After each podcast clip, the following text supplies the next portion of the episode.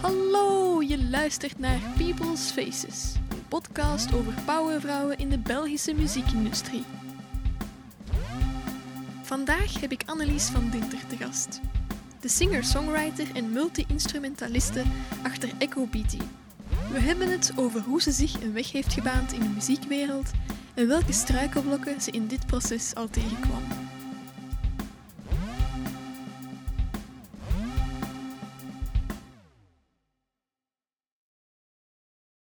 Annelies, Wow. welkom op mijn podcast. We gaan super standaard beginnen. Stel jezelf eens voor. Oh, dat is, al, eh, direct, nog- dat is direct erin duiken. Ja. Oké, ja, ik ben dus Annelies. Ik ben muzikante. Eh, daarnaast werk ik ook parttime in de culturele sector, namelijk in het bos, hier in Antwerpen. Daar doe ik eh, vrijwilligerscoördinatie en productie en nog wat van alles anders. En daarnaast dus eh, al, al jaar en dag met muziek bezig en al heel lang zelf muziek aan het schrijven. En ook doorheen de jaren altijd in andere projecten ook meegedaan. Een beetje als multi-instrumentaliste, backing vocal, gastmuzikant. Creatieve duizendpoot. Ja, zoiets. Ja. Nu, dat ik deze podcast maak, we hebben het er voor deze opname ook al over gehad, daar zit jij voor iets tussen. Ehm, met deze podcast wil ik natuurlijk een licht schijnen op powervrouwen en rolmodellen in de Belgische muziekindustrie. En dat is nu net wat dat jij voor mij zegt geweest. Ik heb bij u in het verleden heel veel workshops gevolgd en muziek echt leren spelen. En dan specifiek drum. En vooral door u aan het werk te zien, besefte ik van... ehm, wow, als Anneliese allemaal kan en allemaal gewoon doe, ja, dan kan ik dat toch ook. Dus voor mij heb jij echt die voorbeeldfunctie gehad om, om zelf ook in die muziekwereld het first te duiken. Dat is prachtig. Dus ehm, om het kort, kort samen te vatten. Jij bent voor mij echt een rolmodel geweest in, in mijn muzikale verhaal. Maar is er ook iemand geweest in, in uw leven die u inspireerde om met muziek te beginnen? Ja, in, het, is, het is wel schattig hoor. Ehm, we hadden een akoestische gitaar thuis van mijn vader. En mijn vader speelde ook eh, af en toe gitaar. Dus dat is natuurlijk al een rolmodel geweest. Hè. Dus, Mm. Maar dan weet ik, ja, ik was elf jaar en ik was fan van Henson. en, eh, en het jongste broertje van die drie Henson-broers, die was ook elf jaar en die speelde drums. Ja. En dan was er denk ik ook op, ik weet niet of dat toen al Ketnet heette, maar er was ook een reeks met een meisje Buzzy heette die. En die speelde ook drums. Dus Klinkt al cool. ja, en ik wou eigenlijk wel graag muziek spelen, maar ik wou zeker niet naar de muziekschool, want dat vond ik heel zeutig. Eh, en ik dacht, oké, voor drums moet je geen noten kunnen. En dan heb ik gevraagd aan mijn ouders of ik mocht drummen. En gelukkig mocht dat dan ook. En dan hebben wij via het broertje van een klasgenoot van mijn zus een dan een derdehands drumstel overgekocht. En dan heb ik, ja, zo ging, kreeg ik af en toe privéles eh, van iemand gedurende een jaar of zo. En dan verder zelf beginnen drummen en dan in een groepje beginnen spelen. En dus ja, ehm Zack van Hensen en uh, Busy van uh, Ketnetreeks waren de eerste rolmodellen. En natuurlijk, allee, ik ben opgegroeid wel met muziekliefhebbende ouders. En wij keken ook wel naar bijvoorbeeld The Last de film van eh Scorsese over de band. En er waren zo nog, we hadden nog van die VHS'en met opnames van festivals, van, maar wel zo jaren zeventig zo. En zo heel die droom van die wereld en dat beeld dat ik daarvan had, dat sprak ook heel erg tot mijn verbeelding. En dus dat was ook wel inspirerend. En dan natuurlijk zijn er doorheen de jaren verschillende, voor mij, muzikale rolmodellen geweest. Eh, Ja. Cat Power was een belangrijke, PJ Harvey, recenter nu Aldous Harding. ehm, Oké, Ja. cool. Je, hebt het zelf al aangegeven, je hebt nooit een formele muziekopleiding gehad. Dus je zei eigenlijk het voorbeeld dat het kan zonder echt een opleiding. Want je bent nu multi-instrumentaliste en zeer veel gevraagde sidekick bij heel veel coole artiesten. Was het voor u moeilijk om in het begin uw weg te banen in de muziekwereld en de muziekindustrie? Ja en nee. Het is moeilijk om echt mij heel goed te herinneren hoe dat, dat was in het begin. Omdat natuurlijk, ik heb nu een heel ander perspectief. Ik zie ook van, ja, ik was toen ook nog jong. Maar ik weet wel, ik kwam al vrij snel in contact met mannen met ervaring in de muziekindustrie die mij onder hun hoede wouden nemen. Dus dat was Steven van Haveren, eh, drummer die nu ook een muziekschool heeft. Die had eigenlijk aangeboden toen ik iets van een 17 jaar was om mij te produceren. En die heeft dan mij wel betrokken bij een aantal uh, platen die hij produceerde. En zo ben ik dan bij Nika terechtgekomen en haar backings beginnen doen.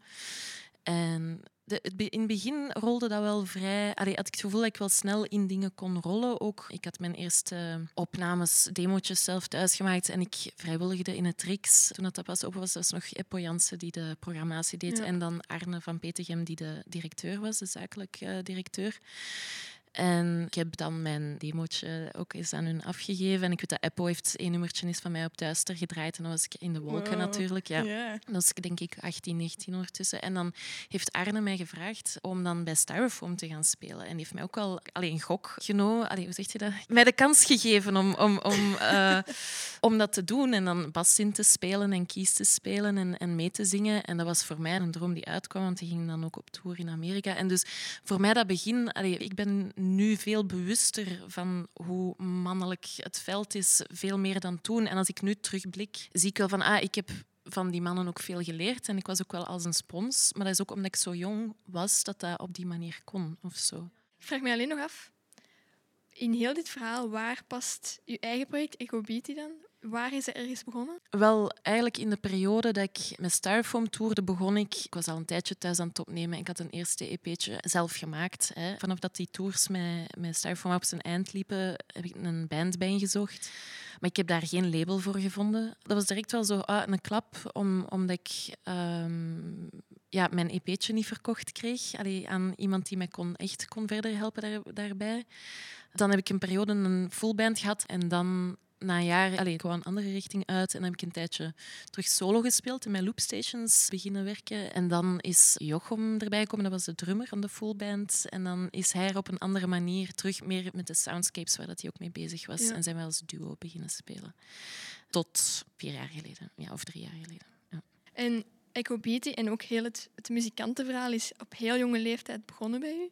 Ja. Was dat moeilijk om te combineren met gewoon uw dagelijks leven? Was dat al van in het begin een droom van oké, dit is waar ik een carrière uit wil halen, dit wil ik fulltime doen? Of was dat op dat moment nog een, een zijproject? Nee, ik denk toen ik 19 was, hè, want ik heb ook ik heb even uh, fotografie gestudeerd, maar ik was nog heel zwart-wit, alles of niks. En hoewel dat ik dat wel graag deed en misschien wel op weg was om daar verder in te evolueren, heb ik dat eigenlijk stopgezet omdat ik zoiets had van ja, nee, muziek is mijn passie. En ondertussen was ik al professioneel, allez, in een paar professionele mhm. bands aan het meespelen en maar ik, ben heel, ik heb heel veel geworsteld in die zoektocht en veel financieel geworsteld ook. En veel frustratie ook al gehad, omdat ik wel veel en grote ambities had. Maar ja, je hebt niet alles onder controle, hoe mhm. dat de dingen lopen. Dus ja, die muziek heeft bij mij altijd op één gestaan. Ik heb daar ook wel wat dingen voor opgeofferd of zo. En het is eigenlijk sinds dat ik dan een paar jaar terug voelde van oké, okay, deze werkt ook niet voor mij. Of ik werd daar ook niet mhm. gelukkig van in de financiële onzekerheid. Ehm, ja, woog wel heel zwaar. En dan heb ik besloten van oké, ik ga gewoon ook een uitdagende job zoeken om daarnaast te doen. En tot nu toe ben ik daar wel blij om, omdat dat heeft wel financiële rust gegeven. maakt ook dat je geen ja, hoe moet ik het zeggen? Dat de financiële noodzaak geen drive is. Hoewel het dan niet negatief hoeft te zijn. Want ik heb daar ook met mm. bevriende muzikanten al gesprekken over gehad. Bij mij is dat financiële nooit een drive geweest. Ik heb nooit de gedachte gehad, ik wil geld verdienen met mijn muziek. En misschien had dat beter wel geweest. Allee, had, had ik misschien andere keuzes gemaakt of zo. Ehm, ik heb daar geen oordeel over, want dat kan, allee, een drive is een drive. En sowieso blijft de basisdrive van ik wil muziek mhm. maken. Uh, Goesting. Ja, bij iedereen allee, die dat muziek maakt. Dus, ja. ja. En dan in dat verhaal van die onzekerheid, heel veel muzikanten zitten daarmee natuurlijk. Heb je ooit op een punt gestaan waar je echt zich gaan twijfelen van ga, ik ga ermee stoppen? Uh, vaak. dat komt altijd terug. Um, dat lijkt mij gezond, denk ik dan. Goh. Dat je soms het in vraag gaat stellen om dan terug opnieuw je goesting te vinden. Ja, ik denk dat de eeuwige twijfel... Dat, uh, er zijn misschien ook mensen die, die daar geen last van hebben, maar op zich jezelf in vraag stellen is zeker geen slecht ding. En ook dat je op tijd jezelf eraan herinnert dat het een keuze is. En dat je ervoor kiest. En er is geen enkel ding dat je gaat doen in je leven dat enkel positieve kanten heeft. En blijft het positieve waardevol genoeg om op te wegen tegen de negatieve kanten. En het is die afweging dat je af en toe opnieuw moet maken. Want voor mij werkt het bevrijdend de gedachte van ik moet dat niet doen. Ik ben ook iemand die nogal ambitieus is ingesteld. En dus de adder onder dat gras is frustratie. Dus daar moet ik over waken of zo. En, en wel altijd ook terugkeren naar die, naar die essentie. Ik doe dat omdat het mij dat plezier geeft Mhm. en omdat ik dat iets bijzonder en iets magisch vind. Maar daarmee geeft het soms ook wel rust van, allee, in gevecht met die ambities, van te denken van ik moet dat niet doen. Mhm. Dat brengt ons eigenlijk naadloos naar de titel van uw EP. Ja, Geïnspireerd op een dansvoorstelling van Jan Martens, ja. Ode to the Attempt. Daarmee zet je eigenlijk vrede gaan nemen met het proberen van en het accepteren van imperfecties en misschien ook mislukkingen soms. Heb je daar lang moeite mee gehad? nog steeds. Ja, dat snap ik. Want ik denk dat we wel kunnen zeggen dat jij eh, een beetje een perfectionistisch kantje hebt, niet? Ja, ik zie dat nog altijd niet helder genoeg. Maar ik denk, ik denk dan van ja, maar ik ben helemaal niet zo perfectionistisch. maar misschien, eh, dus bon, dat, dat is nog een leerschool voor mij. Om, dat, om die kant van mezelf te, volledig te erkennen of daar vat op te krijgen. Maar dat is dan heel mooi dat je een EP daaraan hebt gewijd. Ja, het was, ik vind het altijd leuk als er voor mezelf ook meerdere lagen zijn. En er is de laag van een relatie die is stuk gelopen en de waarde zien van dat je dat samen geprobeerd hebt. Het gaat niet alleen over muziek, maar op zoveel vlakken in je leven eigenlijk. En ook als inderdaad poging om meer als levensmotto te hebben van ik onderneem dingen en in die actie leer ik dingen bij. En ontmoet ik mensen en ben ik onderweg en proberen dat einddoel wat meer los te laten. Ja. Je eigen weg volgen, eigenlijk. Ja, en de focus leggen op dat zo waarachtig mogelijk te doen en zo puur mogelijk te doen. Moest je dan jonge muzikanten kunnen een advies geven? Zou dat advies zijn? Om los te laten en gevoel te volgen?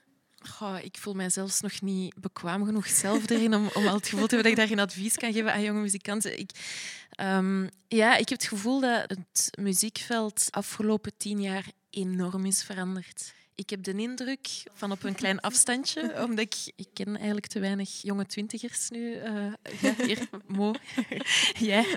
Maar dus, ehm, om te weten van hoe dat zij er tegenover staan. En misschien worstelen zij met heel andere dingen dan waar dat ik mee worstel. Geworsteld heb of nog, en nog steeds worstel of zo. Dus ik heb de indruk dat het heel anders is vandaag de dag. Maar uiteraard, dat zou mijn advies zijn voor iedere mens. Indert wat dat je doet. Van proberen trouw te worden aan jezelf. Als dat niet van het begin lukt. Of als, dat, als je Mhm. voelt dat dat moeilijk is.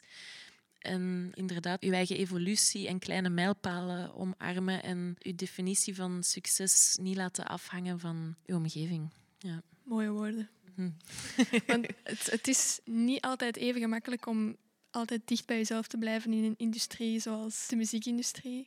Het draait heel hard ook om goedkeuring Mhm. krijgen en hoe dat je het ook draait of keert. Ik wil natuurlijk, hè, ik probeer altijd, als ik in frustratie beland, dan probeer ik terug te keren van oké, ga terug naar de essentie, is puur het maken van muziek. Maar uiteraard, ik speel heel graag voor een publiek. Ik treed Mhm. heel graag op. En dan heb je natuurlijk een publiek nodig dat komt en voor u wil komen. Ja. En, en dan komt heel die, indus- allee, heel die industrie inderdaad kijken van je moet geboekt worden. De programmatoren moeten het zien zitten, die moeten u een kans willen geven of het goed vinden. Dat is moeilijk om daar omheen te geraken of zo. Mm. Ja.